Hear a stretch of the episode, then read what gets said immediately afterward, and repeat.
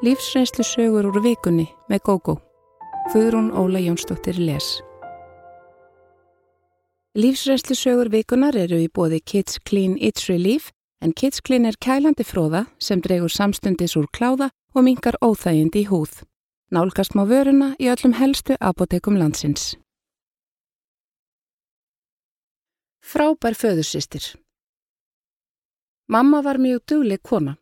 Hún var einstað móður með þrjú börn og gati ekki treyst á neina aðstóð frá föður barnana sinna. Lengi vann mamma verka hvenna störf og það var yðurlega þröngt í búi. Hún gafst þó ekki upp, sótti námskeið og reyndi að bæta við mentun sína hvenar sem færi gafst. Ég var yngstur í hópnum og sískinni mín segja að ég hafi notið mestra efnisleira gæða því þegar ég var nýju ára fekk mamma vinnu á skrifstofu. Með dugnaði og hörku tókst henni að vinna sig upp og vinnuveitendur hennar höfðu mikið álit á henni. Þeir letu hann að njóta þessi launum að hún vann vel og auk þess vann mamma ímis aukaverkefni heima til að drýja tekjurnar. Þrátt fyrir það var aldrei mikið til heima en við leiðum aldrei neitt skort. Ég fann að vísu oft til þess að ég átti minna fötum og alls konar dóti en bekkerfélagar mínir en þeir virtust ekkert taka eftir því að minna varu munað heima hjá mér en hjá þeim. Við sískinin lærðum einnig fljótt að bjarga okkur með að elda, laga til og hjálpa mömmu við heimilistörfin. Vinir mínir kvörtuðu mikið undan því að þurfa að gera slikt en heima hjá mér var það sjálfsagt. Bróðir minn var okkar elstur og þá múr segja að hann hafi verið okkur hinum fyrirmynd. Hann myndi vel árinu með pappa og vissi hvað mamma hafi mótt þóla. Hann brindi það æfinlega fyrir okkur hinum að við yrðum að vera góð við mömmu. Það var mikil samstaða í móðurfjölskyldu minni en við höfðum engin afskipti af fjölskyldu pappa og heyrðum aldrei frá henni. Einu sinni á jólum komuð pakkar frá afa og ömmu sem bygguð út á landi. Við höfðum aldrei fengið pakka frá þeim fyrir og ég myndist þess ekki að hafa nokkur tíma séð þau eða hýrt neitt frá þeim. Eftir þetta spurði ég stundum um þennan afa og þessa ömmu sem höfðu sendt okkur gjafir en letu aldrei sjá sig. Mamma saði jafnan að þau byggju langt í burtu og ættu sjaldan leið til okkar. Næstu jól á eftir beði ég eftir pökkum frá þeim en engir komu. Ég spurði þá sískinni mín hvort þau myndu eftir þeim en það litla sem þau myndu var óljóst. Sistri mín held þó að afi væri með skegg en kannski voru það bara áhrif frá myndum af góðum gömlum öfum í bókum. Líkt og títir um börn myndi ég stundum eftir þessu föðurfólki mínu og spurði þá um það en glemdi því þess á milli. Árin liðu og ég hætti að leiða hugan að föðurfjölskyldunni og pökkunum sem komu einn jólin en síðan aldrei aftur. Dag nokkur var dyrabjöldinu syngt og ég fór til dyra. Fyrir utan stóð kona, nokkru yngri en mamma og brosti út að eirum þegar hún sá mig. Þú ert bara alveg eins og hann afiðinn, sagði hún og hló. Ég efti aukslumenda vanur því að hinn er og þessi segðu mig líkan bróður mínu mömmu eða einhverjum öðrum ættingja. Ætlar þau ekki að heilsa mér, drengur? Ég er föðusisti þín, saði konan og breyti út faðminn. Ég varð svo undrandi að ég gekki fangið á henni, þegjandi og hljóðalöst. Hún faðmaði mig og kisti og skoðaði mig í baku fyrir. Síðan gekk hún inn í íbúðina og heilsaði mömmu á sama hátt. Það var augljóst að mamma var ánað að sjá konuna, en sískinni mín voru jafnundrandi og ég. Mamma kynnti konuna fyrir okkur og sagði að þar færi Sigrún, yngsta sýstir pappa. Hún hefði verið búsett erlendis lengi og væri í stuttri heimsókn hérna heima. Sigrún heimsótti okkur á hverjum degi þá viku sem hún dvaldi á landinu. Hún var gladlind og skemmtileg og heitlað okkur alveg. Eftir þessa heimsókn hafði Sigrún alltaf samband við okkur. Hún sendi okkur jólakort, afmælisgjafir og laung og skemmtileg bref. Hún gaf okkur einning fermingargjafir og þegar bróður minn var stúdent ringd hún klökk í hann og óskaði honum til hamingju. Sigrún bauð okkur öllum að koma og dveljast úti hjá sér hvena sem við vildum. Sistir mín fór til hennar og var hjá henni ár og það var óskaplega velum hann að hugsað. Setna fekk ég einnig að dvelja hjá henni í nokkra mánuði og varðla var hægt að hugsa sér betri geskjafa en Sigrúnu frængu. Hún vildi okkur sískinunum óskaplega vel og sagði að sér hefði alltaf sviðið sárt hversu lítið samband föðurfólkið hefði haft við okkur eftir að mamma og pappi skildu. Hún sagði mér einnig að föðurafi minn hefði drukkið ótæpilega þegar hún og sískinni hennar voru yngri. Börnin þeirra afa og ömmu voru fimm og fjögur þeirra voru alkoholistar. Sigrun og eitt bróðir pappa höfðu tekið snemma á sínum málum og farið í meðferð. Yngsti bróðirinn hafði aldrei smakkað vín og gæti ekki hugsað sér að láta á það reyna hvort hann væri alkoholisti eða ekki. Árið sem afi og amma senda okkur pakkana var Sigrún í heimsókn og æskuheimili sínu og það var hún sem kefti gafirnar, pakkaði þeim inn og sendi þær. Pappi bjó hjá afa og ömmu á þeim tíma og var að reyna að hætta að drekka. Honum tókst það ekki þá, en Sigrún var að vona að með því að tala um okkur og kaupa hand okkur gafir, gæti hún fengið afa og ömmu og pappa til að hugsa meira til okkar og sinn okkur. Það varð ekki og sennilega hefur þeim bara fundist Sigrún vera að reyka nefið í mál sem henni komu ekkert við. Þegar ég var að verða 17 ára tókst pappa loksins að hætta að drekka. Hann hafði þá farið margóft í meðferð en alltaf fallið þegar hann kom út. Við þrettum af honum í gegnum kunningafólk mömmu sem sagði okkur að hann væri komin með aðra konu og góða vinnu. Allt gengi honum nú í hægin. Í fyrstu byðum við sískinin eftir að pappi hefði samband við okkur því okkur dætti ekki annað í hugan að hann langaði til að taka upp samskipti við börnin sín þegar allt gekk svona vel hjá honum. En mánuðirni liðu og ekkert heyrðist frá pappa. Við ákvaðum því að ringi hann og aðtúa hvort hann vildi hitt okkur. Bróður minn ringdi og hafði orð fyrir okkur. Pappi saðist jú vilja hitt okkur en bróður minn var ekki ánaður með viðbröðans og hann fannst hann kuldalegur. Pappi vildi ekki hitt okkur heima hjá sér, heldur bað okkur að koma á tildekið kaffihús í bænum. Þegar við komum á staðin sagðan okkur að nýja konarnas vissi ekki að við værum til og þau væru að reyna að eignast barn. Hann bað okkur því að hafa ekki samband við sig heima. Við sískininn höfum alltaf verið mjög samrind en þarna fann ég að við hugsuðum eins og einn maður. Við stóðum öll á fætur og gengum steinþegjandi út. Við höfum ekki reynd að hafa samband við föður okkar síðan og hann ekki við okkur. Ég á frábæra móður fjölskyldu og indislega föðursýstur og það er mér nóg. Ég átti mér engan verndara. Ég man lítið eftir fyrstu árum lífsmýns en amma hefur sagt mér að mamma hafi verið undir stöðugu eftirliti barnavendarnemdar. Amma reyndi að taka mig til sín eins oft og hún gatt, en þegar ég var hjá þeim afa, ringdi mamma yðurlega í foreldra sína blindfull og byrjaði að skammast eitthvað. Ef amma svaraði henni, rauk hún í fílu og kom í legubíl og sótti mig, hvort sem var á nóttu eða degi.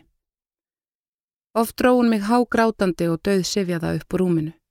Þess á milli átt hún það til að koma með mig og henda mér inn hjá ömmu og afa án þess að spyrja hvort að hendaði þeim að taka við mér.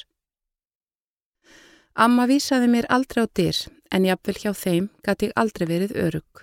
Ég vissi aldrei hvena mamma kæmi eða hversu lengi ég fengi að vera.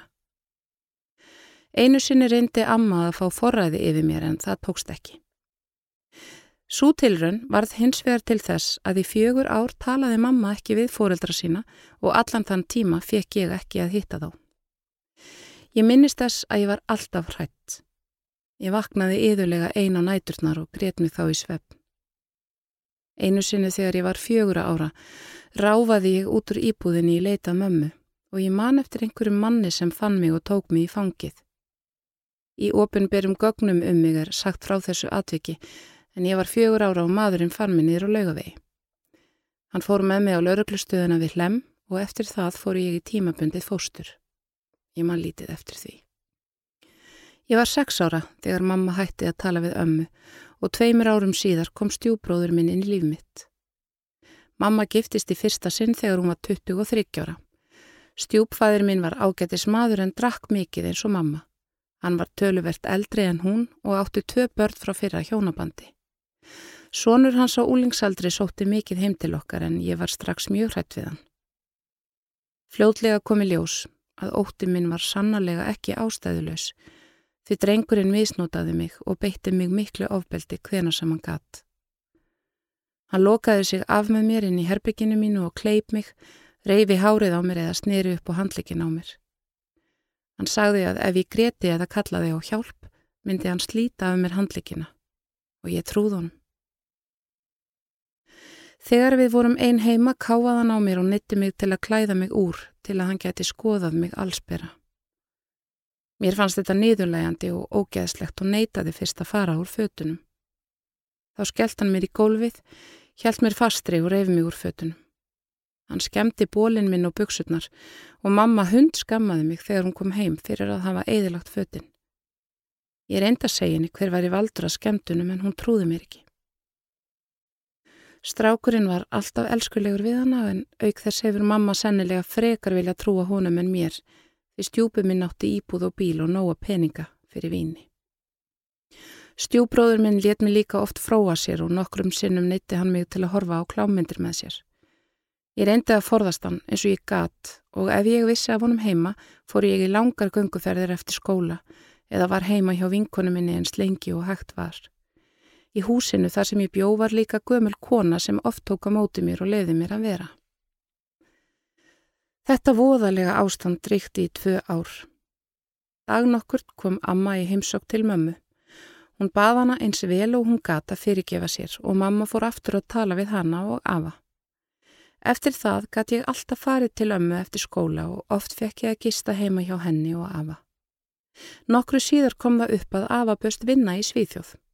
Amma kallaði mömmu og sagði hann að þau vildi gerðan fá að taka mig með. Í Svíþjóð væri góðir skólar og það væri þroskandi fyrir börn að búa í öðru landi. Ég trúði valla mínum eigin eirum þegar mamma samþýtti þetta. Árin í Svíþjóð voru dásamleg. Í fyrsta skipti á æfinni fekk ég að vera barn. Ég egnaðist vini í skólanum og fekk hjálp við að læra Ég hafði dreyist mjög aftur úr jafnöldru mínum því ég gati ekki einbytt mér að náminu eða stundaða meðan allt mitt líf snýrist um að komast undan stjúbróður mínum. Óhefnin eldi mig hins vegar og eftir tæpra þryggja ára búsettu í Svíþjóð dó afi. Amma ákvað þá að flytja aftur heim. Hún vildi að ég byggja áfram hjá sér en mamma vildi að ég yrði hjá sér. Hún var þá skilin við stjúpa minn en gift öðrum manni og átti með honum líti barn. Ég held að mamma hafi bara viljað fá mig heim til að ég geti passað. Hún drakka engu minna en fyrr og þessi nýji stjúpi var djúft sokkin alkoholisti og eitulífa neytandi. Hann tók oft æðisköst og barði þá bæði mömmu og mig. Ég skildi aldrei og get enn ekki skilið hvernig mamma gætt hort á hann berja mig sundur og saman fyrir litlar eða engar sakir. Eitt sinn spurði ég hana að þessu og hún sagði að ótti hennar við mannin hefði verið svo mikill að hún hefði ekki þórað að segja neitt. Ég held að henni hafi bara verið sama, meðan hann barði hana ekki. Ég hugsaði mikið um litla bróðu minn og leitaði til ömmu þegar ég gatt. Mamma var alltaf brjáluð ef hún komst að því að ég hafi farið þangað, svo ég reyndi að halda heimsóknum mínum lindum. Amma hefur sagt mér að eitt af erfiðasta sem hún hafi þurft að gera um æfina hafi verið að þeia og standa hjá meðan barnabörnin hennar voru vanrægt. Hún reyndi allt sem henni dætt í hug en kerfið vildi að við værim hjá mömmu og undir eftirliti þess. Mamma hafði líka alltaf það vopna á ömmu að ef hún væri eitthvað að skipta sér af og skammast þá bara fengi hún ekki að hitta okkur. Ég fór að heiman um leið og ykat og fór að búa með manni. Hann kom mjög illa fram við mig, hjælt fram hjá mér, barði mig oft og drakk óhóflega mikið. Þótt ég inni úti sá hann alveg um fjármálinn og skamtaði mér mjög litla peninga til heimilisins. Ég sá fljótlega að sambandi var vonlust en hjælt því áfram í mörg árs í þeirri von að hann lagaðist. Ég átti með honum tvö börn en þegar hann var farin að berja börnin ákvað ég að taka þess ekki lengur. Ég fór í kvenna atkvarfið og fekk þar aðstóð við að koma undir mig fótunum. Í dag hefur mér tekist að kaupa íbúð og er komin í ágætt starf. Með því að sækja námskeið hefur mér tekist að afla mér nokkurar mentunar og atvinnu öryggi mitt er mun meira en áður var. Vinnuveitandi minn mitur mig mikils og lætur það óspartiljós, bæði með orðum og með því að greiða mér betri laun en gengur og gerist. Það hefur gert ótrúlega mikið fyrir sjálfströsti mitt og mér líður betur en nokkru sinni fyrr. Mamma drekkur enn og ringir yðurlega í mig þegar hún er full til að hella yfir mig skömmum og svífyrðingum. Ég talaði við hana fyrir ári og sagði henni þá að ég myndi slíta öllu sambandi við hana ef hún leti ekki af þessu. Hún hefur ekki gert það og ég er hægt að hitta hana og svara símanum þegar hún ringir. Hún er mér mjög reið og segir að ég hafi svikt hana sambandinu við barnabörni sín en ég tel að hún hafi með hegðun sinni kallað það yfir sig sjálf. Ég vona að mömmu takist einhver tíma að taka á sínu málum en þánga til mun ég standa við mína ákverðun. Ástinn leik sýstur mína grátt. Yngsta sýstur mín er áratug yngri en það sískin sem er næst henni í aldri. Hún var alltaf augasteit nokkar hinna og við vildum verndana sem best við gátum. Ég býst við að við eldri sískinin höfum haft tilneyingu til að vera þessari yngstu sýstur okkar meira eins og foreldrar en sískinni. Barð sem á þetta marga foreldra verður kvorki einn sjálfbergan í veraldarvand og þau börn sem þurft hafa að standa meira á eigin fótum. Sistri mín hóf ung sambúð með manni. Þau voru tæplega komin af barsaldri, hún og kærastinn, þegar hún varð ófrísk og þá ákvaðu þau að byrja að búa. Við vildum gera unga fólkinu eins auðvelt fyrir og hægt var. Þau fengu leiða íbúð í kjallaranum hjá eldstu sýstur okkar og hún leið til með þeim. Allt gekk vel í þrjú ár. Sistir mín og máur unnu bæði með námi og lögðu mjög hart að sér. Fjölskyldur þeirra voru bæði reiknar og gladar yfir hversu vel þau stóðu sig. Sistir mín var mjög hamigisum og ástfangin af sínu manni. Það var henni því mikið áfall dagnokkurt þegar hann tilkynnti henni að hann væri ekki hamigisamur og hegðist flytja út. Skömmu síðar komst hann að því að hann hafi staðið í ástarsambandi við aðra konu um tíma en ekki haft hugur ekki til að segja henni sannleikan þegar hann sleitt sambandinu. Sistri mín var gjörsamlega niðurbrotin. Þetta var fyrsta ástin hennar og hún hafði trúaði á sinn barslega hátt að þeirra ást væri einstök. Hún myndi endast og ekki breytast, þótt allir aðrir kynnu að lenda í erfileikum. Það var hreinlega eins og hún skildi ekki hvað hefði gerst. Lengi trúð hún að kærastinn myndi koma aftur og þegar slitnaði upp úr sambandi hans við hinakonuna gerð hún sér vonur um að allt er þeir eins og áður á millið þeirra. Hún reyndi að byggja sambandið upp aftur með því að bjóðunum í heimsókn, ringi hann og fara með honum út að skemta sér.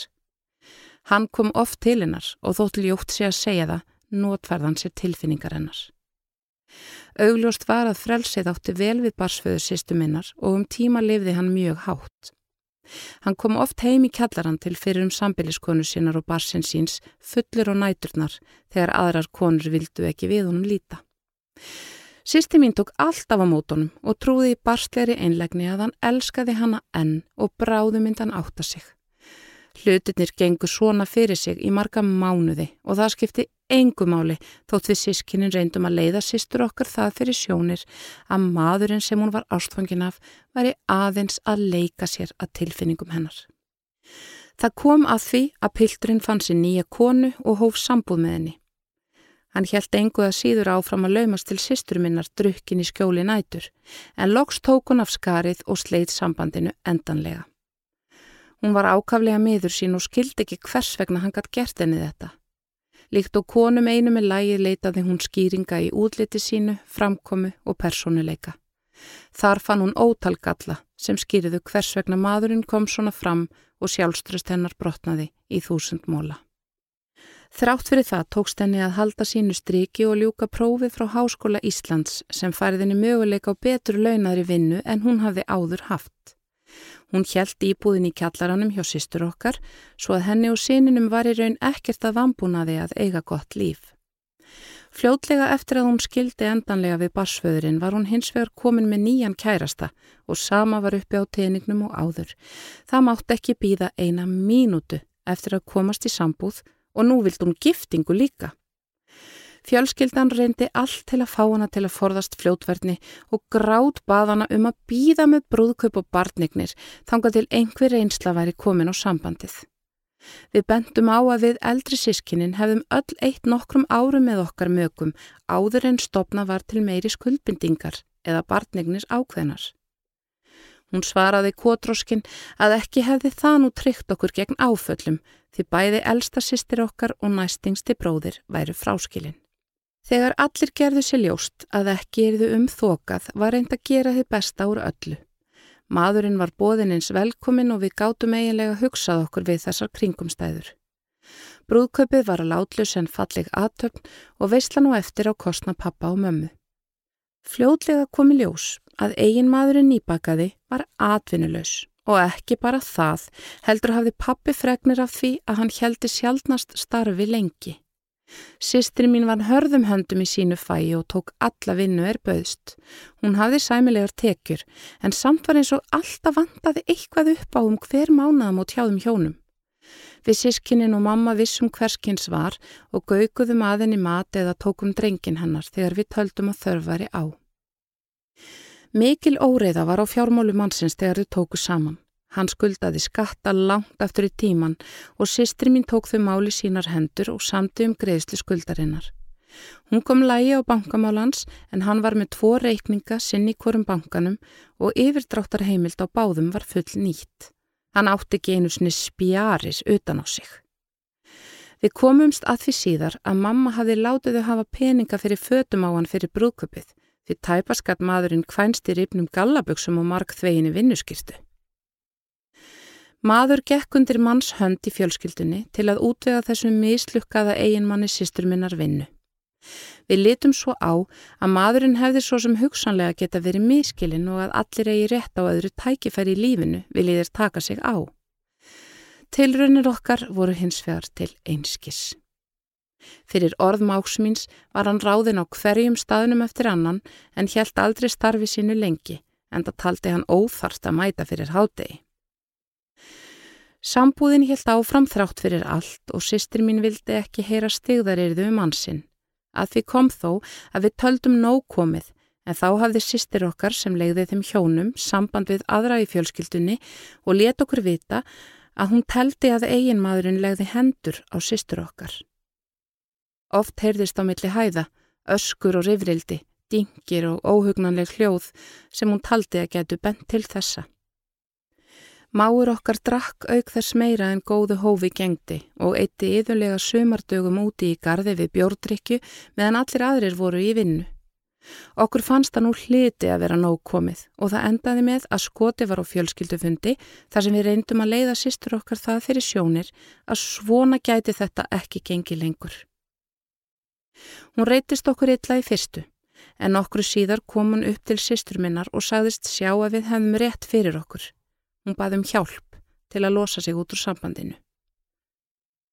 Setna sáðun okkur að það hefði verið vegna drengsinsins.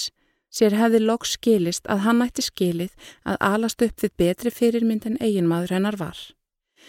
Í dag segist hún halda að maðurinn hafi verið í dópi en fyrir því er engin sönnun. Skapsmunir hans voru hins vegar aldrei fullkomlega eðlilegir og lífsættir hans mjög undarlegir. Við hjálpuðum henni að koma manninum út og gerðum honum ljóst að ef hann síndi sig heima hjá henni aftur, þið lögreglunni sigað á hann. Í ljós kom, eftir að hann flutti út, að ymsi reikningar sem hann hafði tekið að sér að borga höfðu aldrei verið greittir. Við fjölskyldan lögðum saman í púk og borguðum allt sem sýstir okkar var skráð fyrir. Mörg hundru þúsund króna umfram það voru í skuld en hún var ekki ábyrg fyrir því og ekki hægt að ganga að henni vegna þeirra vanskila. Sistri mín hefur nú átt að segja mestu á því hvern mann eiginmaður hennar hafið að geima en hefur oft sagt að hann hafi verið sér mjög góður þegar sá gállin var á honum. Hún trúir því einning að hefði fjölskylda okkar stuttan betur og gefið honum fleiri tækifæri til að standa sig, hefði hugsalega ræstur honum og hann á tökum á lífi sínu. Ég er hins vegar svo tórtrykkin að ég trúi því að skilnaður þeirra, þegar hann varð, hafi bjargað allri fjölskyldunni frá gjaldþrótti og sýstru minni frá því að vera lamin til óbúta í einhverju æðiskasti hálf brjálaðs manns.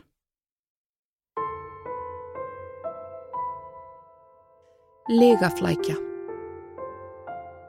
Þegar þeir atbyrðir gerðust sem ég ætla að segja frá, bjó ég ein með síni mínum í lítilli íbúð á góðum stað í Reykjavík.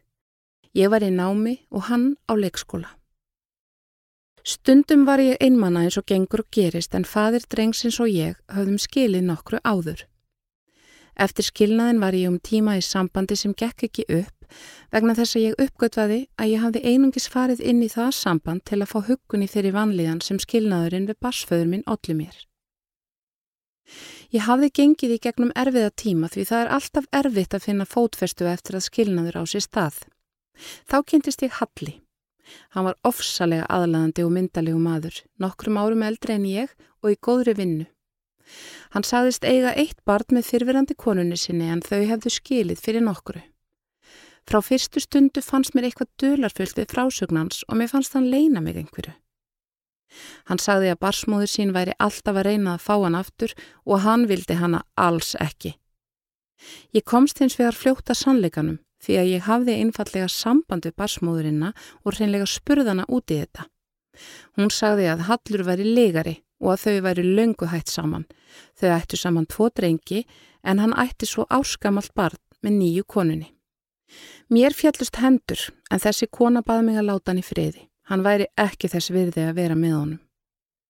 Ég var alls ekki sátt við að hann væri að ljúa mér svo ég ringdi hann og sagði hann að ég vissi allt. Hann skellt á mig en ringdi svo aftur og baði mig að fara ekki frá sér og svo framvegis. Ég baði hann að ræða við mig og hann kom. Þá viðurkjöndan að hann væri giftur en væri að reyna að fá skilnað. Það gengi bara ekki, því konarnas væri komin að róandi liv og jólin á næsta leiti og hann yrði eiginlega að býða með þetta, þar til nýtt ár hæfist. Ég reyndi að skilji hans lið en fannst það sjálfsögðu ömurulegt að vita til þess að hann væri með okkur báðum. Þegar hann var hjá mér var hún alltaf að senda honum SMS og ringi hann en aldrei svaraðan. Hann vildi ekki leifa mér að heyra þeirra samræður. Svona gekk þetta í nokkrar vikur. Hann kom stundum og gisti en dvaldi heima hjá sér til að aðstóða konuna við barna uppeldið en sórað hann svæfi í stofunni og kæmi ekki nálagt henni. Hann saði að hún væri alltaf að reyna að fá hann til við sig en hann hefði alls engan áhuga á henni þannig. Stundum kom hann ekkert til mín um helgar því þá þurft hann að vera með börnin en hún áttu tvö frá fyrrarsambandi. Þá var hún míst á djamminu að leita sér að manni til að sofa hjá en hann neytist til að vera heima og var þá sífælt ringjandi til að segja mér hversu mjög hann saknaði mín og vildi vera hjá mér. Hann lofaði því að þetta tæki fljótt enda og við myndum byggja okkar samband upp um leið og skilnaðurinn væri yfirstaðin. Mér leið illa alla daga yfir þessu og hugsaði ekki um annað. Þetta nagaði mér svoað innan. Langt var liðið á desembermánuð og allt jólastressið bættist ofan á það sem fyrir var. Það var ansi mikill pakki. Auk þess var ég að flytja í aðra íbúð sem ég hafði fengið aðfenda um miðjan desember. Hallur sótti drenginstundum fyrir mig á leikskólan og reyndi eftir bestu getu að hjálpa mér. Í janúarbyrjun var ég orðin mjög andlega þreytt á þessu öllu. Það er svo slítandi að eigða dögunum í að býða eftir annari mannisku. Ég tók honum alltaf opnum örmum þegar honum hendaði og gaf honum mörg ráð varðandi skilnaðinn. Það er að segja hvernig hann gæti flýtt fyrir að hann gengi í gegn. Hann talaði um að þetta væri bara ekki svo einfalt mál. Hann færi svo illa út úr þessu peningalega ef hann beði ekki aðeins og hún væri svo illa farin og gæti ekki séð um börnin. Ég vorkend honum oft og eitt kvöldi byrtist hann á tröppunum hjá mér, allur skrámaður á hálsinum og sagði að hún hefði ráðist á sig þegar hann hefði tilkynnt henni að hann var í ástfangin af annari konu. Nokkrum dögum síðar var hann meður sín vegna þess að hann hafði mætt á ásati fyrirtækisins án hennar og hún byrst þar út úr drukkin og heimtaði að fá að vera með honum. Mér fannst þetta meira en lítið förðuleg kona. Hann saði einnig að hann geti aldrei tekið drengina sína tvo um helgar því hún væri svo vond við þá. Hann kom líka einu sinni heim með besta vinsinn sem hálf rökklaðist út vegna skapofsans í henni. Ég vildi bara losa hann út þessu, heið snarasta.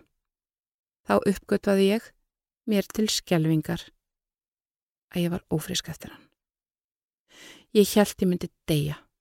Ég mætti sónardaginn eftir og staðfest var að ég var komin á sjöttu viku meðgöngu. Hann fekk algjörst áfall líka, en við rættum þetta og ég tilkynnti strax að ég vildi fósturriðingu. Ég gæti ekki staðið í að vera einstað með tvö börn og líka í námi. Hálfu mánuði og mörgum tárum síðar fór ég í aðgerðina. Hann sótti mig á spítalan og lofaði að reyna að vera eins mikið með mér og hann gæti.